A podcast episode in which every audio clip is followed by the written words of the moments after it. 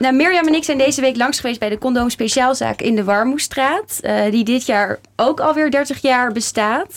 En we hebben daar een reportage over gemaakt. Uh, Mirjam heeft de repo nog een inleiding nodig.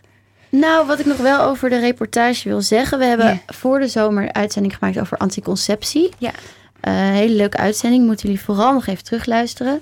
En daarin bespraken we ook dat veel vrouwen nu eigenlijk een soort verandering uh, doormaken wat betreft anticonceptie. Omdat veel vrouwen eigenlijk geen hormonen meer willen binnenkrijgen.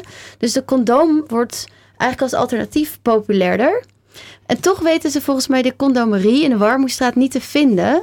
Dus laat dit ook vooral een introductie zijn van een hele bijzondere plek. Ja, het was een bijzondere winkel. Laten we gaan luisteren. Met voorbeelden met de pil en spiraal en pessarium uh, enzovoort. Je hebt ook nog het woord nee. Je kan ook zeggen nee. Kan ook. Dat is ook een manier.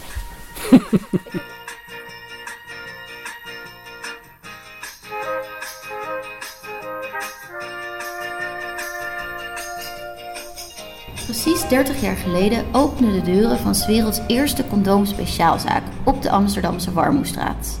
De Condomerie. Een van de drie oprichters, Theodor van Boven, vertelt ons het verhaal achter het uitgebreide assortiment. Mijn naam is Theodor van Boven, ik ben 61 jaar, oprichter, medeoprichter van de Condomerie.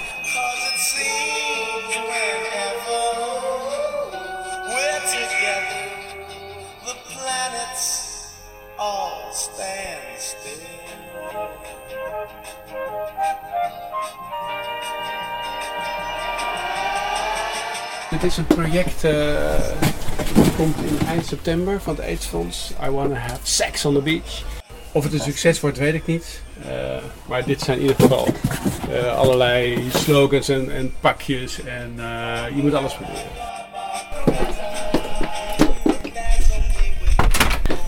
Oké. Okay. Kelder. Uh, de lichten aan hoor. Dit is onze, een deel van onze voorraad. Ik heb hier stoeltjes.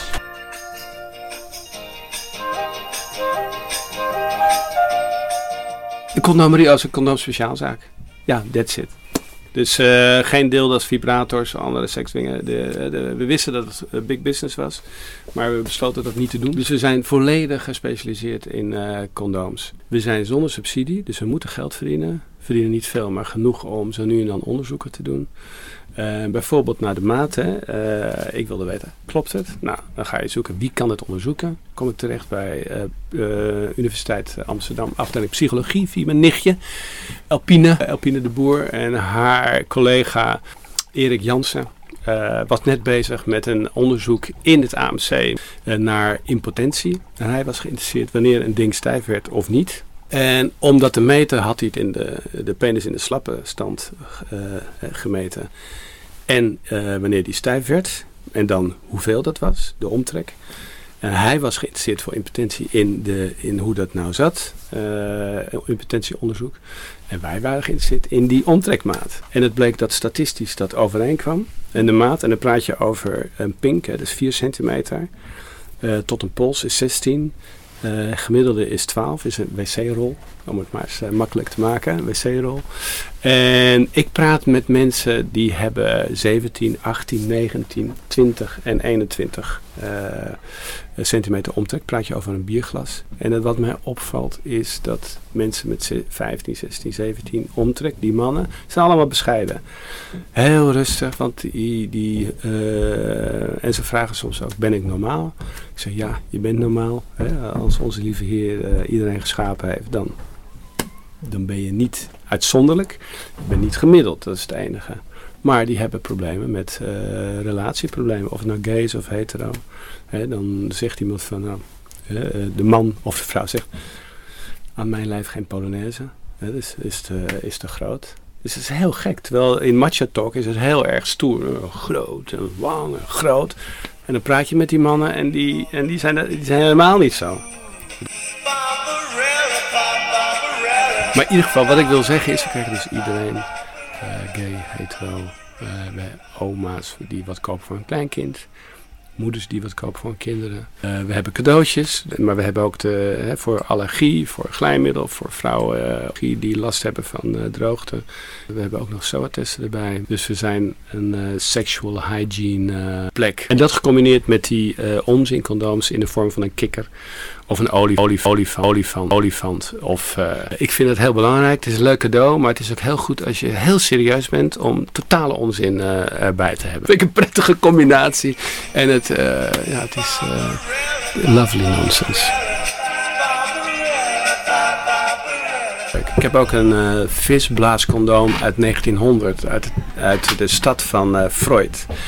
En Gustav Klimt, dus uit Wenen. Uh, heb ik op een beurs op de kop getikt. Vijf stuks visblaascondooms van een steur. Dus en dat is volgens mij is dat ultiem. Want het is super dun als je nu zo met je vinger doet. dus je, dan voel je je eigen vinger en je voelt je nerven. Uh, dat is met dat condoom ook.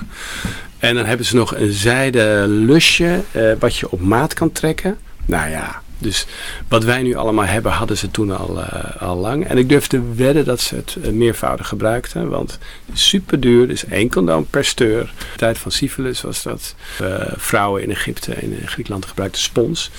een sponsje. en dan in Egypte een sponsje gedrenkt met kruiden. het gaat erom, wij zijn homo sapiens. We bestaan al zo lang. Ik durf te wedden dat er op vele manieren werd gekeken naar preventie. Ik ken een verhaal van een boerenvrouw uit uh, tussen Amsterdam en Utrecht, in de buurt van Woerden. En die maakte voor de oorlog, had ze haar kleinzoon uitgelegd. En ik sprak die kleinzoon. Ze maakte van zeemleer op de bezemstel, maakte zij haar eigen condooms ter uh, preventie. Nou, zeemleer is super, dat, is, dat klinkt heel heavy, maar daar was je ramen mee. En dat is uh, echt zeemleer. Als je dat nat maakt, is zo zacht. Uh, dus dan heb je die gevoelsfactor, uh, is er niet. En dan, en dan maakt ze het dan zelf op de, op de bezemstel. Nou, wie, hoe weet ze dat? Super interessant. Ja, heerlijk. It's a wonder, wonder Super interessant inderdaad. Theodor en zijn collega's verzamelen zo al 30 jaar voor ieder wat wils. En met een beetje doorvragen krijg je er nog een geschiedenislesje bij cadeau. Gaat de condomerie nog 30 jaar zo door? Ja, ik trouwens eerlijk gezegd, ik ga het liefst ga ik morgen, ik heb kinderen, dus het liefst ga ik morgen failliet. Het nog geen flikker. Ga alle, al de ziektes de wereld uit. Uh, dat heb ik het liefst, eigenlijk.